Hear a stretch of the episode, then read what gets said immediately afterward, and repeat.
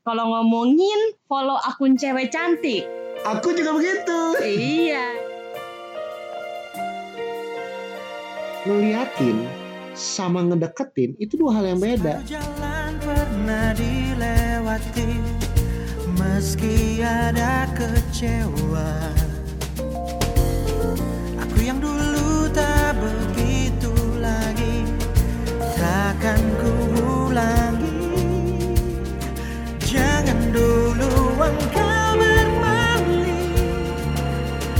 Beriku kesempatan Kita tuh punya hidup yang lebih besar daripada sekedar ngejagain pasangan kita. Betul. Ingin dirimu yang menjadi milikku bersamaku mulai hari ini hilang ruang untuk cinta yang lain. Alright, selamat pagi. kan wallet lagi. Thank you yang uh, kasih respon buat podcast kita sebelumnya. Happy banget dengar banyak komen, banyak masukan, banyak cerita-cerita juga yang dipercayakan ke kita.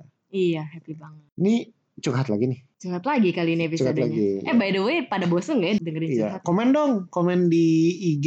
Bosan gak sih kalian kalau dengerin curhat-curhat dulu kayak Mm-mm. gini atau ada konsep lain yang kalian coba mau uh, Tawarkan. tawarkan ke kita? Kita sih kepikiran ada satu konsep lain ya, cuma belum belum ready 100% Iya. perlengkapan dan lain sebagainya. Tapi ada satu konsep lagi yang entar dulu hopefully kita bisa running dalam waktu dekat. Amin. Oke. Cerita nih si kasus ini gimana ya? Kasus ini tuh kasus banyak banget cowok. Kejadian. Iya. Iya. Tapi cewek juga ada loh. Cewek juga ada. Mm-mm. Oh, Mm-mm. aku jarang sih dengar cewek yang kasusnya kayak gini. Kebanyakan sih cowok yang kasusnya kayak gini. Hmm, kayak- Kalau menurut aku dua-duanya saling banyakan. Jadi oh. dari mungkin dari sisi cowok yang lagi curhat ini ngerasanya dia yang digituin, tapi sebenarnya dia juga gituin ceweknya menurut aku sih. Oke, oke, oke. Nanti kita bahas ya. Mm. Dan apakah kasusnya? Kasusnya adalah tentang jelesan. Cewek gue jelesan abis orangnya. Dia gak percayaan banget sama gue. Oh, lebay ya. Kayak, dia dari ulu hati pengalaman. Ulu hati. Semua password sosmed gue dia tahu. Bahkan dia suka ngecek-ngecekin apa aja yang gue lakuin di sosmed. Misalnya like foto cewek, ceweknya siapa aja di stalking. Follow akun akun cewek cakep, diliatin, ditanyain. Chat sama siapa aja, apalagi kalau itu cewek, itu pasti ditanyain. Gue harus selalu update kegiatan gue kayak misalnya kalau lagi di mana harus foto gitu. Sifat dia yang jelasan ini bikin gue sama dia sering banget berantem gimana nih gue harus menghadapi cewek gue yang kayak gini dan gimana supaya dia bisa percaya sama gue soalnya gue sayang sama dia Oh, hoi, sayang. Ini gampang sih buat aku Gampang. saranku cuma dua Apa tuh? lanjut atau udahan selesai dah dua menit Kini ku datang. jangan coba Selesai. selesai Tapi ini ya, kalau ngomongin follow akun cewek cantik. Aku juga begitu iya, ini Frankie ini juga loh meskipun udah beristri, tapi cowok-cowok udah punya pacar atau udah punya istri ini masih sering follow akun cewek cantik. ah, aku nggak follow ya Ya, mungkin nggak follow tapi ada di explore dan sering di like dan sering di forward ke grup. Grup para lelaki, ya kan? Jadi menurut aku itu hal yang wajar sih. Karena namanya cowok punya mata, ya nggak? Kalau cewek sih nggak terlalu sih, Beb. Sejujurnya aku nggak pernah ngefans banget sama cowok ganteng, enggak sih.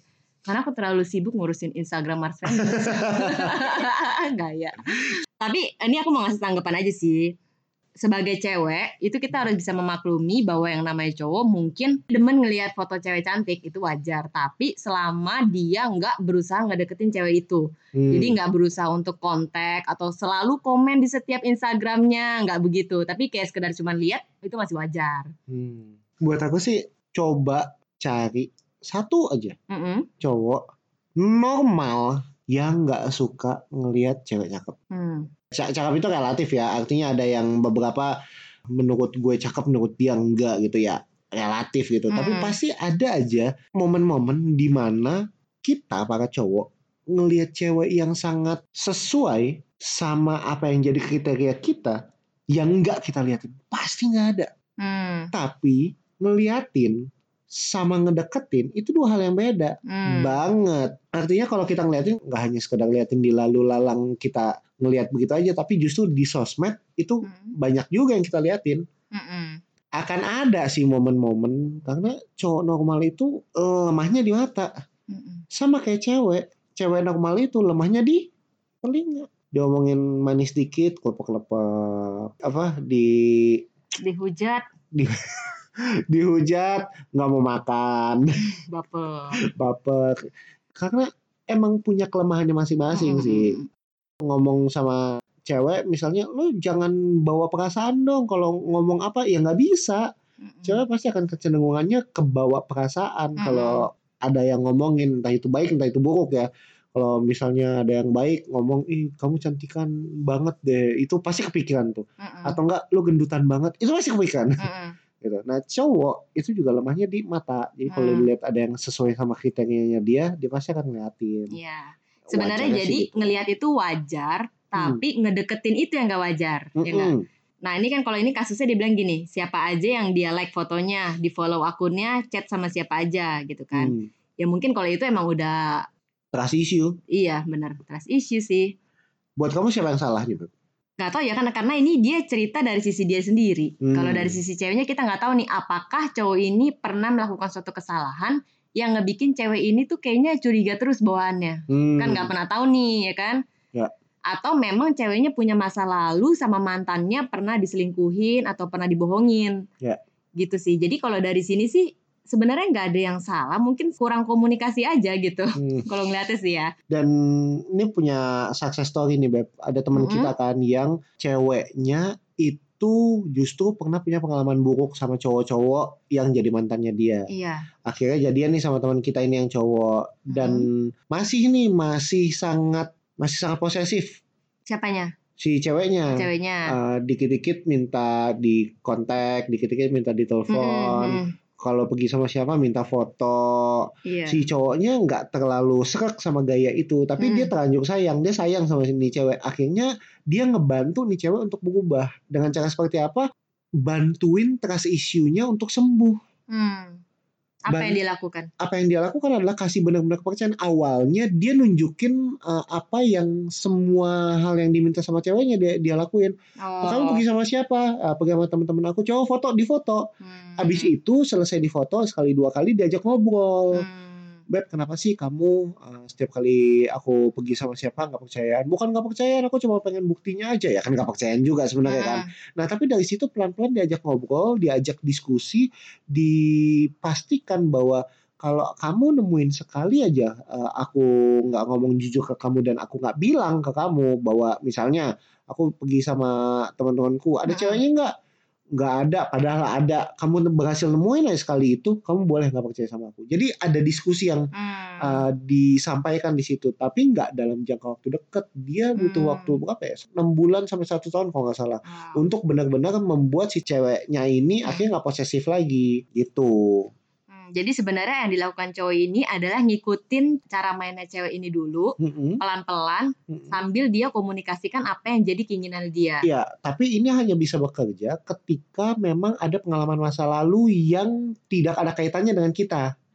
Hmm. Si ceweknya kan ada pengalaman masa lalu dengan mantan-mantannya, Mm. nggak ada kaitannya dengan kita. Kita hadir sebagai pembuktian Mm. bahwa nggak semua cowok kayak gitu. Hmm. Eh, pacaran sama gua, gua bisa dipercaya loh dan lain sebagainya. Hmm. Beda kasusnya kalau dia pacar kita yang nggak, yang pernah nggak percaya sama kita. Hmm. Nah, itu lebih berat lagi tuh. Itu lebih berat. Ya, itu pembuktian diri sih Mm-mm. bahwa ya lu udah bisa dipercaya. Benar sih di kasus ini lu bilang bahwa cewek gue jelasan banget, ya jangan-jangan dia pernah ngegapin lu jalan sama cewek lain tanpa bilang sama Nah. sama dia. Nah, itu buat gue sih wajar cewek Hmm. jelasan sih. Hmm.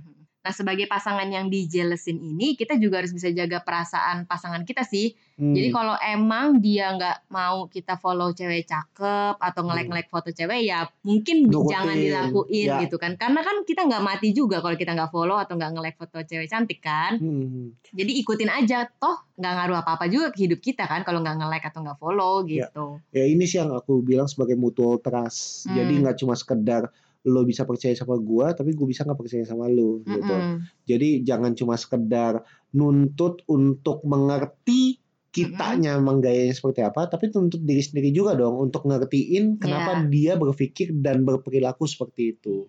Intinya di kita harus bisa menurunkan standar kita Mm-mm. dan dia pun juga bisa ningkatin kepercayaannya gitu sama Hmm. kita. Hmm. Ini sih belajar banget untuk adaptasi satu sama lain sih. Mm-mm. Dan kalau buat yang nggak percaya nih, buat orang yang suka jelesan, buat aku sih nggak penting sih jelesan itu. Karena ya maksudnya aku pernah jelesan, aku pernah dalam tahap sangat-sangat pencemburu. Cuman aku ngerasa cemburuan itu nguras tenaga banget. Hmm. Yang seharusnya kita bisa fokus sama karir kita, sama kerjaan kita, sama keluarga. Kita harus terbagi pikirannya. Nih cowok gue lagi ngapain nih? Nih dia sama ini ada apa-apa nggak ya? Hmm. Kayak gitu maksudnya kita tuh punya hidup yang lebih besar daripada sekedar ngejagain pasangan kita. Betul. Yang suka jelesan itu cobalah dikontrol jelesannya. Kalau memang udah tahu kita jelesan, kita nggak perlu stalkingin punya orang terus nanti ujung-ujungnya jadi netting sendiri. Padahal nggak begitu kenyataannya. gitu. Nah ini kan banyak juga kasus di mana ceweknya mengharuskan dia tahu password semua Hmm. sosmed cowoknya supaya bisa dia login, dia bisa lihat chat DM-nya lah atau apanya. Hmm. Itu buat aku nggak penting juga sih. Hmm. Ya biar aja dia jujur dari mulutnya sendiri bukan dari apa yang kita cari tahu. Bukan berarti tahu password itu nggak boleh dan nggak penting ya. Iya itu boleh. Uh, kita pun terbuka tentang password Mm-mm, kita ya. mm. Karena kalau ada apa-apa dan misalnya aku handphone aku ketinggalan lah dan lain Hmm, sebagainya, aku butuh kamu uh, login Instagram Iya. misalnya atau sosial media atau email mungkin. Mm-mm, Sengaja kamu tahu uh, passwordnya apa, tapi tujuannya bukan untuk kepo, betul. tujuannya bukan untuk ngestok satu sama lain, tapi justru untuk ya jaga-jaga aja kalau emang ada Iya. kebutuhan tertentu. Mm-mm. Nah kalau soal update kegiatan sehari-hari sih kadang-kadang risih juga sih. Aku pernah di posisi itu soalnya. Di mana dulu uh, harus selalu update uh, lagi sama siapa, lagi di mana, itu harus update berupa foto. Kalau nggak nggak Hmm, percaya. Nah itu hmm. emang bener-bener capek sih. Tapi lucunya waktu kita pacaran dari awal sampai akhir nggak pernah kita kita kayak Iya gitu nggak ya. pernah. Nggak pernah sampai benar-benar butuh pembuktian lebih gitu loh. Mm-mm. Iya nggak sih? Iya nggak pernah sih. Kayaknya santai banget. Aku bener-bener sama kamu nih bener-bener bodo amat loh. Kamu juga sama aku bodo banget, bodo amat banget gitu. Bodoh amat kesannya jelek banget. Ya maksudnya nggak terlalu pusingin yang begitu-begitu Karena gitu. aku susah banget sih buat cemburu. Entah kenapa ya, karena aku kan belum pernah punya pengalaman pacaran ya. Mm-mm. Biasanya orang yang belum pernah punya pengalaman pacaran justru lebih posesif dong sama pacar yang ini gue dapet satu nih, udah dapet satu susah, Mm. kayak pengen dijaga banget gitu. Mm-mm. Tapi entah kenapa ya enggak sih. Buat aku justru paling susah yang aku lakukan terhadap pasangan adalah cemburu. Soalnya menurut aku gini Beb, kamu tuh orangnya lurus. Lurus apanya? Rambutnya ya? Soalnya kalau orang yang belok-belok, yang mencong-mencong, dia itu selalu curiga sama pacarnya karena dia sendiri ngelakuin kayak gitu Hmm. gitu mungkin ya. Hmm. Jadi mungkin karena kamu orangnya lurus aja dan mungkin aku nggak pernah membuat kamu merasa kecewa atau aku ngebohongin kamu tuh nggak pernah. Jadi kamu Hmm. selama ini sih aman-aman aja gitu. Ini mungkin penting juga prinsip penting yang teman-teman lain mungkin bisa uh, pahami dan juga bisa uh, aplikasikan jika ini sesuai sama value. Mm-mm. Buat aku pribadi, yang namanya hubungan itu mahal. Hmm. Kalau ternyata kita dapetnya sama yang dalam tanda kutip murahan, ya berarti bukan buat kita. Hmm. As simple as that. Makanya aku nggak pernah jelas sama kamu. Hmm. Karena aku percaya segitunya dan aku percaya bahwa aku sedang membangun hubungan yang mahal. Kalau kamunya sendiri behaviornya atau perilakunya adalah yang murahan dalam tanda kutip, nggak jujur, tiba-tiba bisa selingkuh di belakang misalnya, buat aku ya gampang aja ya, udah udahan aja. Hmm. Kenapa gua harus mempertahankan hal yang murah kalau gue pengennya sesuatu yang mahal? Kalau aku percaya kamunya mahal, akunya mahal, kita membangun hubungan yang dalam tanda kutip mahal, aku akan percaya kamu akan berperilaku seperti orang yang mahal. Iya. Gitu. Jadi nggak akan sembarangan jatuh cinta. Hmm. Sama kayak agama sih buat aku. Hmm. Kamu agamanya A, kamu datang ke rumah ibadah B. Ya emang segampang itu kamu tiba-tiba pindah agama cuma karena kamu menginjakkan kaki apa di rumah ibadat yang lain kan enggak. Sama kayak menurut aku hubungan. Kita udah sama-sama saling suka. Terus apakah segampang itu kamu suka sama orang lain hanya karena kamu ngob- sering ngobrol sama dia? Ya kalau ternyata kamu tiba-tiba punya perasaan yang berbeda sama si cowok itu karena sering ngobrol, artinya ada hal yang aku nggak beri yang kamu dapat di sana. Hmm, hmm.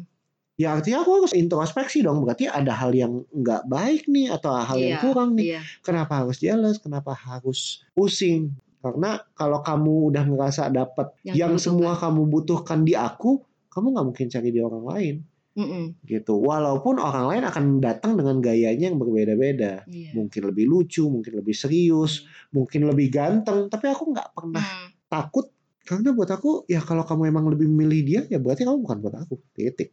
Iya. Selesai. Hmm. nggak semua orang segampang itu sih pemikirannya. Hmm. Maksudnya eh, menilai sebuah hubungan segampang itu. Hmm. Tapi buat aku segampang itu. Hmm. Makanya aku nggak nggak pernah kan ya. Aku nggak pernah jalan sama kamu. Nah kalau kamu jalan sama cowok lain dan kamu ngerasa bahwa lebih nyaman sama dia ya go ahead. Putus sama gua, lo jadian sama dia. Hmm, Nggak ada masalah pacaran juga. ya. Iya, iya. kalau sudah menikah ya artinya aku menikah dengan orang yang salah kalau ternyata kamu yang seperti itu atau aku yang seperti itu berarti Hmm. kamu menikah sama orang yang salah buat Hmm. aku gitu. Makanya aku benar-benar menjunjung tinggi kesetiaan dan keterbukaan sedini mungkin semenjak pacaran gitu. Jadi sebenarnya daripada jealous, mendingan fokus memberikan yang terbaik buat pasangan ya. Mm-mm. Karena kalau kita memang memberikan apa yang dia butuhkan, dia nggak akan cari ke orang lain. Dan sebenarnya orang itu nggak suka kalau terlalu digenggam ya. Ya. Katanya jealous itu tanda sayang, Beb. Bener nggak sih? Jelas itu tanda nggak percaya. Iya, iya. Buat aku sih itu dibanding bilang jelas tanda sayang. Kenapa sih nggak nunjukin rasa sayang dengan sesuatu yang kita bisa berikan, kontribusikan untuk hidupnya dia Mm-mm. gitu. Dibanding jealous, jealous itu nggak menambah apa pun dalam hubungan. Mm-mm. sama Betul. sekali. Jealous cuma menunjukkan bahwa kita nggak dewasa dan kita tidak percaya sepenuhnya sama dia. Sebenarnya jealous itu wujud lain dari menuntut sih. Menuntut untuk dia hanya ruang lingkupnya segitu gitu. Tapi kemarin ada menarik kan Beb? Apa sih eh, ada satu komen tuh? Apa sih kalau kita nggak jealous nanti dianya keburu nyaman lagi sama orang lain gitu oh iya iya iya. Oh iya benar. Soalnya waktu itu kita pernah ngepost di Instagram Mm-mm. yang quotesnya gini, buktikan kesetiaannya atas dasar kebebasan yang dimilikinya, Ya. bukan ruang sempit yang kamu paksakan. Hmm. Terus mungkin ada yang komen waktu itu Mm-mm. DM bilang ya kalau misalnya Terlalu. terlalu dibebasin lama-lama dia akan ke yang lain dong Iya, kayak gitu akan nyaman sih. sama yang lain. akan nyaman sama yang lain. Ya, berarti dia menemukan kenyamanan eh dia tidak menemukan kenyamanan itu di diri kamu. Iya, That's it. sesimpel itu. Berarti, Berarti- ada something dalam hubungan kalian yang tidak dilakukan secara benar. Iya. sehingga masing-masing dari kalian tidak senyaman itu dengan Mm-mm. hubungan kalian. Mm-mm. Kalau kalian berdua sudah nyaman, kalian berdua akan saling percaya dan kenyamanan itu nggak mungkin bisa didapetin di tempat lain sih. Semakin dikekang, justru akan mudah dia ketemu sama kenyamanan di tempat lain karena tempat lain kasih dia kebebasan. Betul. Pada dasarnya nggak ada orang yang suka dikekang. Hmm. Justru kebebasan itu penting untuk membuktikan apakah dia benar-benar konsisten dengan perkataan dan janjinya atau enggak. Betul. Jadi selama masih pacaran, itulah masa-masa pembuktian apakah dia setia atau enggak. Jangan pernah ngekang-ngekang. Hmm. Cobalah untuk lebih percaya karena Hmm. hidup ini kita nggak bisa ngawasin dia 24 jam sehari. Please janganlah di abad 21 ini ada pernyataan-pernyataan lagi. Kamu jangan jalan sama cewek ya. Kamu jangan jalan sama cowok ya. Pokoknya kalau jalan sama teman-teman, kalau ada cewek aku harus ikut ya. Aduh, please banget deh. Jangan ada lagi jiwa kekanak-kanakan kayak gitu kalau kalian siap mau pacaran yang benar dan serius. Intinya kalau misalnya masih jealousan jangan coba-coba untuk menikah. Karena menikah hanya untuk orang yang dewasa. Mm-mm. Beresin dulu masalah jealousan baru ngajak orang nikah atau baru terima ajakan nikah itu. Betul. Karena sekali lagi kita omongin bahwa kepercayaan itu adalah dasar di Benar. pernikahan. Ya. Jadi kalau dasarnya aja nggak kuat, jangan pernah ngebangun sesuatu di atasnya. Karena nanti pasti akan roboh. Setuju deh sama kamu. Itu sih. Sebenarnya kalau ngomongin jealous nggak akan ada hentinya. Iya. Kita harus bisa jadi orang yang dipercaya dan kita harus bisa percaya sama orang. Alright, semoga bisa kita diskusikan lebih dalam lagi nanti di IG kita ya. Mm-mm. Thank you dan sampai bertemu lagi di podcast kita yang berikutnya di minggu depan. See you dan jangan lupa follow Instagram Marvenus underscore podcast. Podcast. Dan jangan lupa nyanyi Kini ku datang. Jangan coba tuh menolak